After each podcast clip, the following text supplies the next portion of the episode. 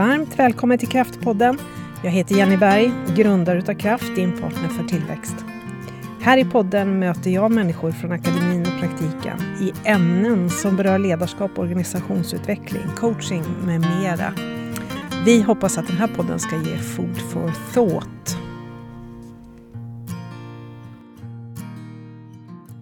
Varmt välkommen till Kraftpodden vill jag säga idag till eh, Caroline Wertheim. Eh, och eh, du är redovisningschef för vuxensegmentet, ordförande i Kungsbacka simsällskap och vi har lärt känna varandra genom att du har gått vår utbildning eh, som numera heter självledarskap och coaching. Och vi räknade precis ut att det var 2022 på våren som du gick. Eh, och du har ju börjat använda coaching och sådär i ditt arbete på Academedia har jag lärt mig. Eh, mm. Så det tänker jag att vi ska prata om idag. Och sen så eh, tänker jag också att jag är nyfiken lite på dina tankar kring hur du använder och tänker utifrån coachingen i simsällskapet, för du har ju dubbla roller här som är intressanta. Men först Välkommen till alla lyssnare och Caroline, kan inte du berätta lite, vem är du? Tack så mycket Jenny. Ja, nej men jag är en 43-årig eh, tvåbarnsmamma, har två flickor som eh, är 12 och 15 år. Eh, de simmar mycket så det är i stort sett det som vår fritid består av. Jag är som sagt var chef och ledare inom Academedia och Eh, brinner för det här med människors utveckling eh, och tycker att det är väldigt kul att se andra människor växa. Det är det som ger en, en extra liten energiboost. Eh, och har alltid haft idrotten eh, varmt om hjärtat och eh, har varit ledare där själv under många år. Men det har inte varit simning utan jag har jobbat med gymnastik bland annat. Och eh, det är väl där man också har sett mycket, eller det är väl där mitt intresse för det här med människor och, och coachning och ledarskap har, har börjat. Eh, man ser de små gymnasterna som kanske klarar en kullerbytta för första gången eller vågar göra någon svårare volt. Och då är man ju ganska stolt som tränare också. Så det, Jag förstår. Mm, så det var lite kort ja. bakgrund. Och, och redan hinner man bli nyfiken på en rad saker när man lyssnar på dig. Eh, jag som också haft en simmare i familjen, han slutade för något år sedan nu, eller några år sedan kanske, lite äldre. Eh, hur, har ni morgontimmar som ni ska upp på träning? Ja, det har vi. Eh, två till tre dagar i veckan. Så idag har jag faktiskt varit uppe vid fem och skickat iväg dem. Så det ja. är tidiga morgnar. Ja, verkligen. Ja. Det, det, är ju kanske den idrott som jag tänker tränar absolut mest. Ja, det tror jag och jag tror framförallt eh, i tidiga åldrar. Man börjar ganska ja. tidigt med att träna mycket. Ja. Man blir superimponerad när man står bredvid och ser dem köra längd efter längd. helt magiskt, vilket pannben! Mm, mm. Det kan man säga. ja. Men du, mm. eh, så och så sen så, så blir jag liksom lite nyfiken också på det här du säger att mitt eh, intresse för ledarskap och eh, så började nog med gymnastiken. Vad var det, du var lite på det, men vad var det egentligen? Är det enskilda händelser eller liksom, vad var det som gjorde att det väcktes? Eh, nej men jag tror att eh, det handlar om att se eller vara bidragande till att andra människor växer och utvecklas. Eh, jag hade en, eh, ett möte med våra tränare i, i simningen för ett tag sedan och då sa jag det bland annat att jag är inte den ledaren jag var för, jag började när jag var 12 år som en väldigt ung ledare. Jag är inte samma ledare idag som jag var när jag var 12 år. Eh, man, man ser och fokuserar på lite olika saker och ju mer man har varit ledare och kanske också för lite olika åldrar då, då lägger man vikten på olika saker och vad man tror eh, ger liksom bäst effekt för den som är med. Eh, men jag skulle säga att om jag ska ta med mig någonting eh, som jag även försöker ta med mig i mitt chefskap och mitt ledarskap på jobbet, så handlar det om väldigt mycket om att se varje individ där de befinner sig och hela tiden utmana lagom mycket och försöka lyfta dem framåt och till nästa nivå. Så det är nog det som inspirerar mig mest. Ja, och detta med att olika människor behöver olika saker. Jag eh, tänker på just det. Vi har haft lite andra som har varit med i podden och som också har den här idrottsbakgrunden och dessutom har blivit chefer som vuxna på jobbet. Man märker vilken nytta man har utav sin idrottsbakgrund. Mm. Eh, vad är det mer som du har tagit med dig in i ditt chefskap och ledarskap på jobbet från idrotten? Um, det är inte en så lätt fråga. Um, jag tror det handlar mycket om att uh, inte ge upp. Ja. Uh, det, det, vill man nå framgång i, inom idrotten så behöver man liksom hela tiden fortsätta även om man möts av lite motgångar. Uh, jag tror också att så här när man blir lite äldre i alla fall så har man, reflekterar man lite grann över att eh, försöka vara kreativ och byta eh, ingång ifall det ena inte funkar så att man inte kör fast liksom. Eh, och så tror jag att det är lite grann samma sak när man är inom idrotten, när man har eh, personer som eh, barn och ungdomar eller vad det än kan vara liksom. Eh, man kan inte stöpa dem i samma form utan man måste hitta eh, fram till just varje individ eh, och våga då testa och våga vara kreativ och våga tänka lite nytt. Eh, det tror jag eh, man eh, har nytta av och det tror jag jag har fått med mig en hel del från idrotten även in i mitt vanliga jobb. Då. Just det. Mm. mm. Alltså modet liksom, att det inte är så farligt att pröva något. Nej. Mm. Intressant. Du, eh, sen så kom du till vår utbildning och utbildar inom coaching yes. och har börjat använda det i ditt ledarskap. På vilket sätt tycker du att du själv har förändrats i ledarskapet? Sen du lärde dig coaching på riktigt så att säga. Ja.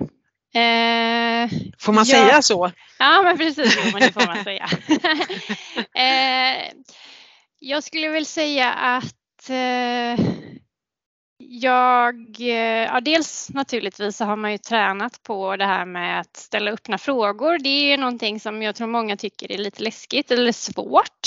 Och jag tyckte också det var väldigt svårt innan och jag vet också med mig att eh, jag kommer på mig själv efteråt. Man bara, ah, nu ställde jag frågan på det här sättet igen liksom, och så behöver man vrida på det eller ändra på det. Det var man väl kanske inte medveten om innan utan det är ju någonting man har fått med sig.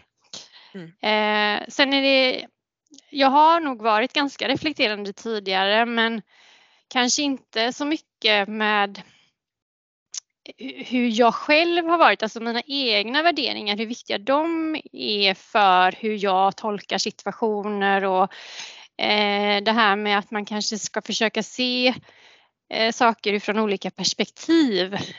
Det, det, det var nog sånt som, ja det fanns ju där liksom, men nu har man mer fått kanske verktyg för det eller lite mer konkret och systematiskt fått en bakgrund till varför det är så viktigt eller hur man kan använda det för att nå framgång på olika sätt. Eh, och det är ju sånt som jag plockar med mig in i mitt ledarskap i, i grupper. Vi pratar ganska mycket om, ja men till exempel hur, hur ska man prata med varandra när det är någonting som skaver? Mm. Hur, hur, hur ska man tänka om det är något, och det finns ju, där finns det ju liksom både den som upplever ett skav och den som inte upplever det och som blir lite grann då ifrågasatt eller kanske påhoppad kan man tycka eller sådär. Eh, hur ska man säga till varandra och hur ska man tolka varandra för att det inte ska växa till en stor konflikt?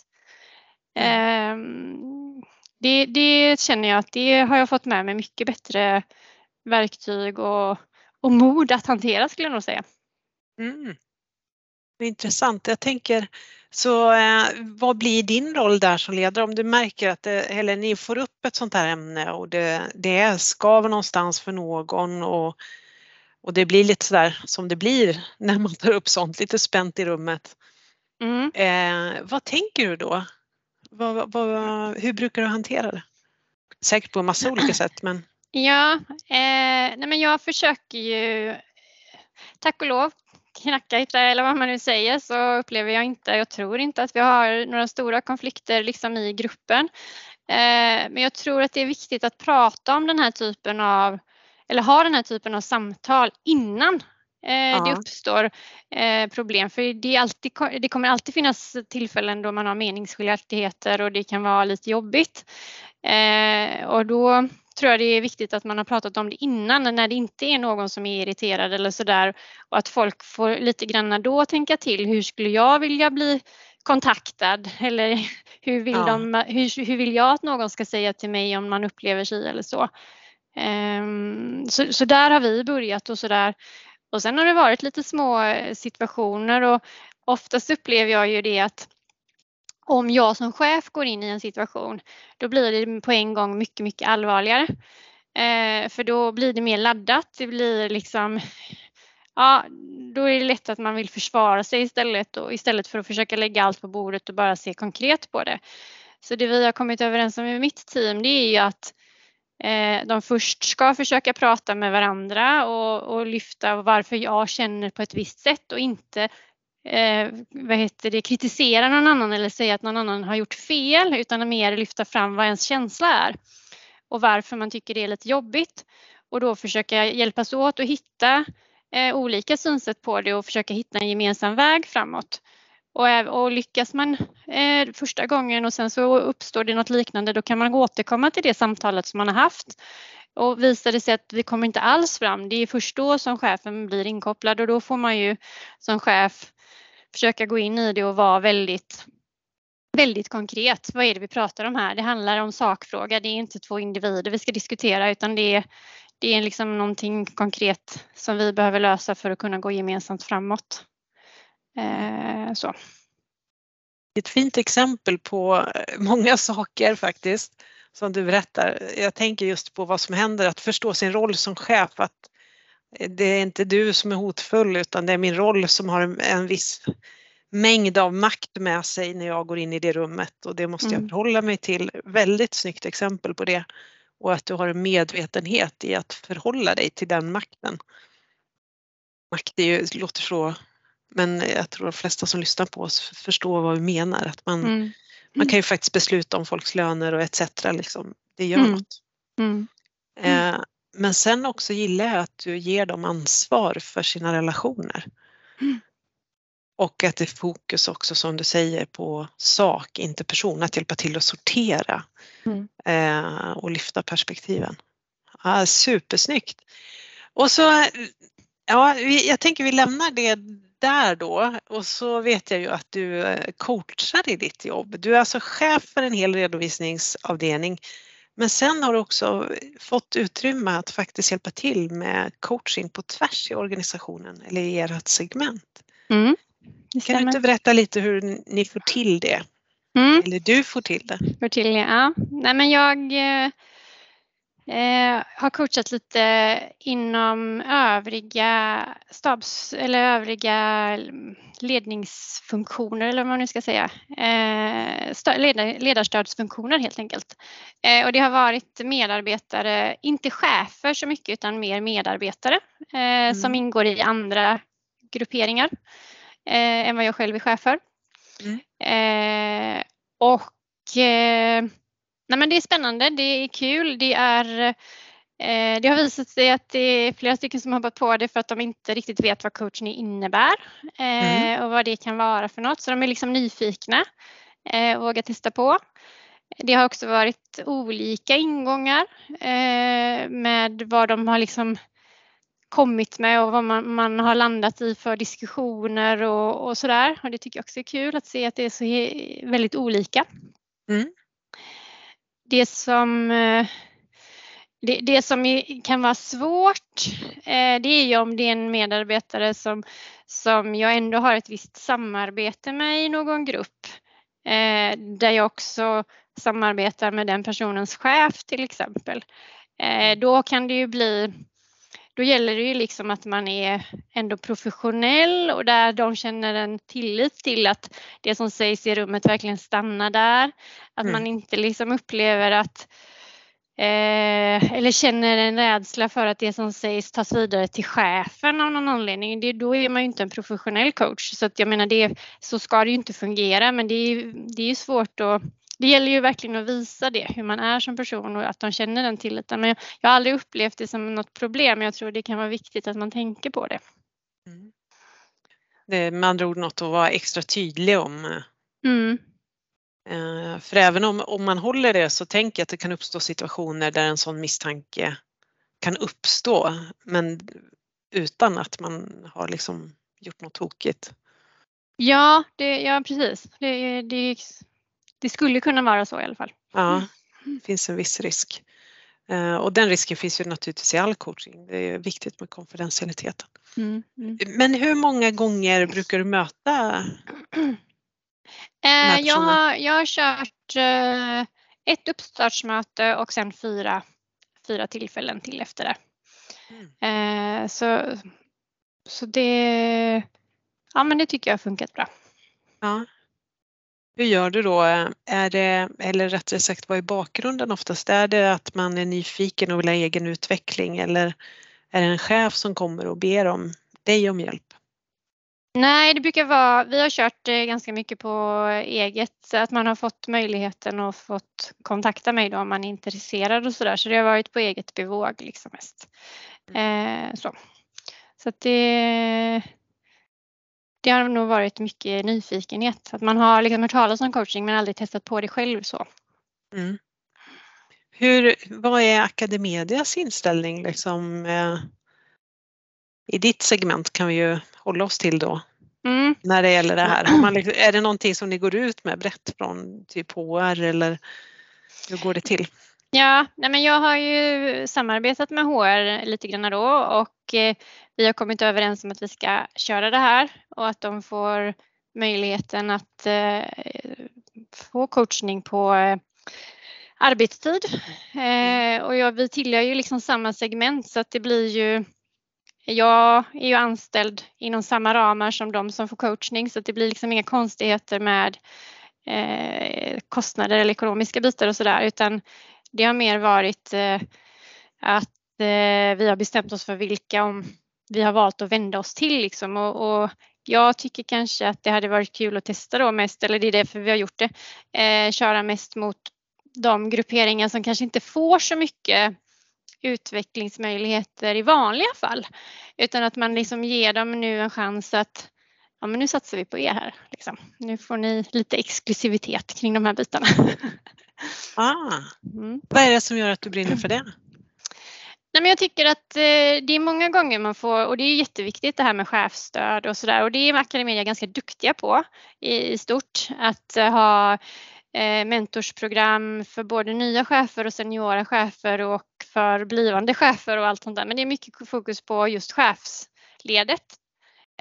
Och då känner jag att det saknas lite grann kring den här biten med bara medarbetarna. För det är ju ändå medarbetarna som vi är flest av i en organisation, oftast i alla fall. Ja. och det är de vi behöver liksom lyfta och det är kanske de som eh, inte heller får så mycket så ofta. Eh, så därför så kände jag att nej, jag vill testa att vända lite grann på det och se dem som de viktiga i det.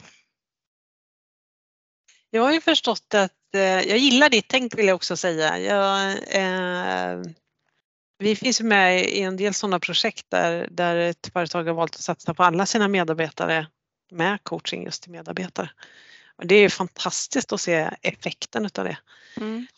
Eh, när vi pratade om det här lite innan så var du inne om det här med FNs globala mål, hållbarhetsmålen mm. till 2030. Och så sa du en del intressanta saker om att det ska, ja men en, det ska vara hållbart för våra medarbetare. Kan inte du berätta lite hur du tänker kring just hållbarhet och dina medarbetare? Mm. Eh, nej men jag, eh, FNs agenda om hållbarhet handlar ju om både ekonomisk hållbarhet, eh, miljö eller kvalitet, eh, vad heter det, klimat, klimathållbarhet eller, eh, och social hållbarhet. Eh, och jag tycker att vi ibland eh, fokuserar så mycket på den ekonomiska och miljömässiga hållbarheten så vi, vi tappar lite grann det här med eh, den sociala eh, hållbarheten eller ja, våra medarbetares kvalitet och livskvalitet och eh, den psykiska hälsan och den fysiska hälsan och, och alla de här olika bitarna. Eh, så att eh, jag har fokuserat ganska mycket på det och eh, pratat mycket om det i mitt team med vad är livskvalitet för dig? Ehm, hur kan vi tillsammans jobba för att höja allas livskvalitet? Eh, för då blir det så väldigt nära varje individ. Sen behöver man ju tänka nästa steg, liksom, om vi mår bra och vad kan vi bidra till nästa steg och nästa steg och nästa steg för att komma då till FNs hållbarhetsmål på sikt. Mm. Mm. Och då är det ju ett känt ämne det här när man börjar liksom prata om eh, psykisk och fysisk hälsa, att man ger sig in lite i människors privatliv på något sätt. Eh, vad tänker du om det? Hur förhåller du dig själv till det? Liksom? Hur försöker du samtala om det? Eh, jag tror att jag försöker bjuda ganska mycket på mig själv ja. och inte vara för Alltså man väljer ju om man är privat eller personlig. Det, det finns ju liksom lite olika gränser där och då, det får man ju välja. Det ska ju kännas bra vad man delar med sig av. Men om jag försöker dela med mig av det jag tycker är, är, kan vara värdefullt för andra, då öppnar det ju upp ett annat typ av kanske eh, diskussionsklimat. Liksom. Mm. Eh, så att, eh, och jag försöker också tänka att det är viktigt att ha koll på kanske när mina medarbetare fyller år. Ja. Eh, vi pratar alltid, eh, varje måndag har vi möte tillsammans där vi diskuterar lite grann hur man har, vad man har hittat på för någonting i helgen. Mm. Eh, om det är något man vill dela med sig. Men det är aldrig så här att man måste redovisa eller tala om att man har gjort det och det utan man, det är alltid på eget. Eh, man väljer själv vad man vill dela med sig av eh, och eh, hur mycket och så vidare. Men jag ger eh, möjligheterna till det och vi har liksom ändå tider i veckan där vi pratar om inte bara det löpande jobbet liksom. Mm. Eh, och det tror jag gör att vi lär känna varandra på ett annat sätt. Eh, och då får man ju liksom kanske en annan syn på varandra och, och man får en helt annan gemenskap med sina kollegor och medarbetare. Har du alltid gjort sådär? Eh, ja, jag, mer eller mindre. Jag tror att jag har utvecklat det eh, tack vare coachningen. Eh, har jag nog ja. gjort.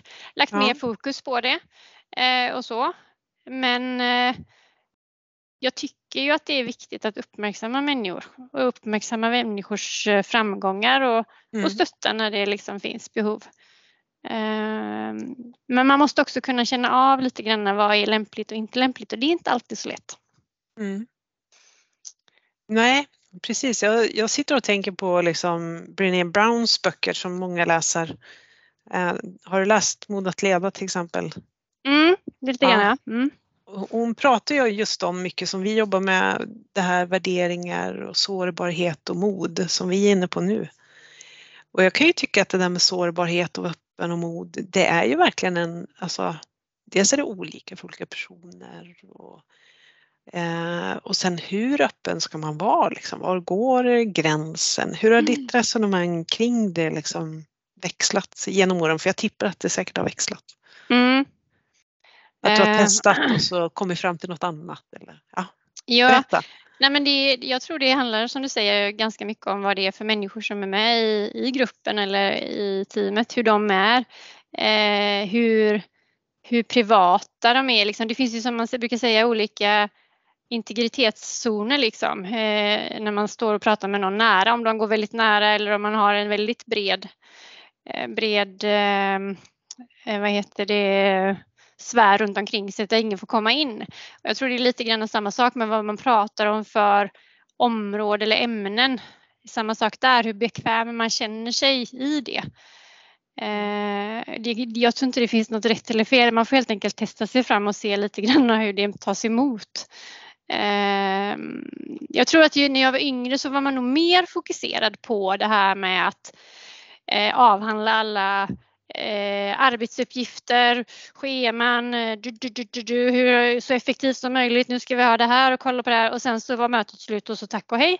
Eh, Medan man nästan nu är lite mer tvärtom. Man har, man har insett att det är väl inte hela världen om vi inte gör på det och det sättet just nu utan vi, det viktigaste är nu att vi Ja, men jag vill ju gärna ha hela min personal på plats och att de ska må bra. Det, det är liksom det största fokuset för mig för är de det då kommer de leverera det andra också. Ja. Eh, så det handlar ju mycket om att liksom hitta den balansen där. Eh, både mm. vad som är privat och, och personligt och, och vad, var fokuset ska ligga helt enkelt. Mm. Ja, intressant. Det låter som att du har gjort en ganska kraftig svängning. Det har säkert skett över åren men ja, och vad du märker att det ger. Mm. Kul! Jag blir lite inspirerad här. Jag vet att eh, vi pratade om det att du är engagerad i simsällskapet också. Mm. Hur har du applicerat alla de här tankarna från coaching och ledarskap där? Det är ganska nytt, eller hur? Att du är ordförande. Ja, precis. Jag är ju mm. tillträdd i mars förra året, eller inte förra året utan mars i år så att jag har ju bara varit mm. typ ett halvår. Eh, nej men jag, jag tycker att eh, eh, föreningslivet är ju otroligt viktigt för Sverige. Eh, det är en väldigt bra grogrund för eh, hälsosamma, hälsosamt levande kan man säga. Eh, men jag tycker att vi ibland tappar vissa bitar. Vi är så fokuserade på vår liksom, verksamhet kring, i vårt fall det här med simningen och, och liksom den verksamheten, men vi tappar lite grann andra bitar som vi skulle kunna Eh, hjälpa samhället ännu mer med och det handlar ju lite grann om eh, psykisk hälsa och eh, tänka lite grann med vad, vad, kommer barnen med för eh, inställning? Hur är deras självkänsla? Hur, självsäkerhet, själv, självkännedom, alla de här bitarna. Eh, det är många av dem som ställer ganska höga krav på sig inom simningen och, och vill prestera mycket. Och det gör de inte bara där utan det gör de även kanske i skolan och så då. Så jag önskar ju att vi hade kunnat jobba ännu mer strukturerat med eh, att utveckla barns eh, psykiska hälsa mm. och kunskaper och färdigheter kring att hantera sig själv och veta liksom, ja, men varför mår jag bra eller varför mår jag inte bra? Eh, vad är det som är viktigt för mig och att man i ganska tidig ålder börjar prata med dem om de här bitarna för att mm. liksom, ja, men stärka varje individ. Mm. Har du något exempel på vad ni har börjat göra? Om ni har börjat med något? Ja, jag har börjat skissa lite grann på ett projekt som jag hoppas verkligen att vi ska få, få igång, få igenom, mm. eh, som bygger lite grann på just FNs eh, agenda 2030 då med de hållbarhetsmålen som man har satt upp och de här inner development goals eh, som också kan ligga till grund för det då. Eh, där det handlar om att eh, ja, men mycket få med delaktighet, allas lika värde eh, och mycket det här med hur man eh, har koll på sin egen kompass, eh, hur man är mot varandra, ge eh, positiv feedback, lyfta varandra, alltså mycket av de här grejerna som är jätteviktiga i idrotten och i livet i stort. Eh, men där man kanske inte jobbar så strukturerat med det utan det kommer lite vid sidan av. Eh, hinner mm. man inte så är det det man prioriterar bort. Och jag önskar att det blev en, liksom en större, eh, någonting som hellre omfamnar hela verksamheten där allting går in i sig. Mm. Då uppfattar jag att du egentligen tänker ganska lika på ditt jobb som i klubben. Ja. ja. Hur ofta går du från simträningen och tänker åh det där ska jag göra på jobbet eller testa eller simklubben, simsällskapet? Alltså de går ju ganska mycket i varandra verksamheterna ja. kan man säga. Det är ju från det ena till det andra hela tiden så att jag försöker, eh, det är ju lite två olika verksamheter naturligtvis och det är, på jobbet är det vuxna människor och i simningen så är det mycket mer barn och ungdomar men, men eh, jag tror egentligen inte att det är så stor skillnad. Mm. För att hållbara, lång, hållbara individer Eh, både unga och gamla. Det, det, behöver vi ha för att ha hållbarhet i, i våra samhällen. Så att, eh, eh ibland testar jag saker på det ena stället och sen testar jag det på det andra och vice versa så får vi se vad utfallen blir. Det är spännande. ja, nu tror jag att alla funderar på följande fråga som lyssnar. Eh, när man, om man vet någonting om simning och hur mycket tid det tar och hur mycket engagemang och hur mycket folk som krävs för att hålla en, ett simsällskap igång. Eh, och så att du är chef också för redovisningen här. Eh, hur, när får du tid för dig? Eh, ja, den, den ekvationen går inte riktigt ihop. eh, jag är väl en sån person som tycker om att eh, men jag mår själv bra av att ge till andra. Eh, så ja. det blir ju en liten win-win effekt när jag är med på, på, på den här typen av aktiviteter på båda verksamheterna. Så jag har inte så mycket inte så mycket egentid har jag inte. Eh, det blir ibland när man kör bilen eh, hem från en träning när man inte har med sig några simmare hem utan att man är hemma och vänder. Eh, då, då passar jag på att fundera lite kring saker och ting. Mm. Men det är nog lite så som det funkar just nu. Mm. Mm. Ja, imponerande, verkligen. Du, eh, om du skulle ge ett råd till någon som är ny inom sitt ledarskap och chefskap, vad hade du gett för råd som du själv kanske hade önskat få? Um, jag, jag skulle nog säga våga testa mm. eh, men var lyhörd. Våga, mm. våga, testa olika idéer och tankar men, men var lyhörd till vad som händer liksom när, när eh, folk blir involverade. Jag är mm. en person som tycker mycket om att, ta del, eller alltså ha mitt team delaktig. Jag, jag, eh, slänger gärna ut saker till dem och låter dem liksom processa det lite, återkomma, eh, vara med i diskussionerna och sådär. Det funkar på vissa ställen, kanske inte lika bra på andra. Det beror lite på hur van man är vid också. Men jag tror att om man är ny så får man inte vara för rädd för att våga testa. Utan våga prova och liksom vara lyhörd, skruva på det, testa igen, skruva på det, testa igen. Mm. Mm. Och så är jag nyfiken på en annan fråga. Som chef så har man ju en rad medarbetarsamtal och utvecklingssamtal. På vilket sätt tycker du att eh, det här med att lära sig coaching lite mer på riktigt, hur har det påverkat de här samtalen för dig? Eh, framförallt så handlar det ju om vad man ställer för frågor, eh, tror jag. Det är nog det ja. som är... Eh, och vad man lyssnar på för svar. Mm. För att eh, eh, om man inte är så van vid att ställa frågor, eh, öppna frågor, så är det ju lätt att det blir frågor där man bara checkar av på en checklista, ja nej, ja nej hela tiden. Ja. Det blir liksom inte så intressanta diskussioner och det är väldigt svårt att få en person att se hur den personen ska kunna utvecklas eller hur man ska kunna ändra på någonting eller förbättra eller vad man nu tänker. Om man bara får ja och nej till svar. Mm. Så du har ändrat frågeställningen och får längre svar. Och vad är det du lyssnar efter när du lyssnar på svaren? Alltså jag vill ju gärna ha svar där man märker att, ja, att det är ett ärligt svar. Att ja. de personerna, när de säger någonting eh, verkligen menar det eller att det finns en känsla bakom det. Eh, om man ställer frågan eh, Vill du gå en kurs i Excel till exempel? Nej eller ja. Det ger ju inte så mycket mer liksom, men om man pratar mer om det och vad skulle du, vad skulle du behöva utveckla dig kring? Känner du mer, om man börjar liksom diskutera så här, då, då märker man ju om personen har en viss passion i det och känner liksom att Nej, men det här är ju kul, det här vill jag ju lära mig mer av eller det här skulle ju vara givande. Och det är där man vill landa för att se en progression och, och liksom se eh, en glädje i att människor växer.